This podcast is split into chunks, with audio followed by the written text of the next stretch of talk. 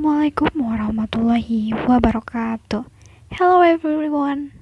My name is Bunga Reslami and uh, in this podcast uh, and podcast this time I will respond to group discussion uh, 4 and 5 and the first is group 4 uh, with discussion literacy in the stage Indonesia is a country with low literacy. The problem of literacy is getting worse from year to year. Uh, technology that is very developed, developed is one of the causes of declining literacy in Indonesia and makes hoax often spreads among the public.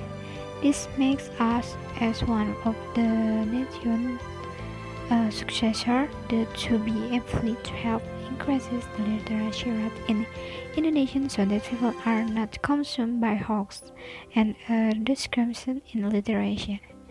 And the second for group 5 um, uh, were the discussion on civic education. Uh, and the most common problem in this learning is less optimal implementation and students who find it easy to learn civic education.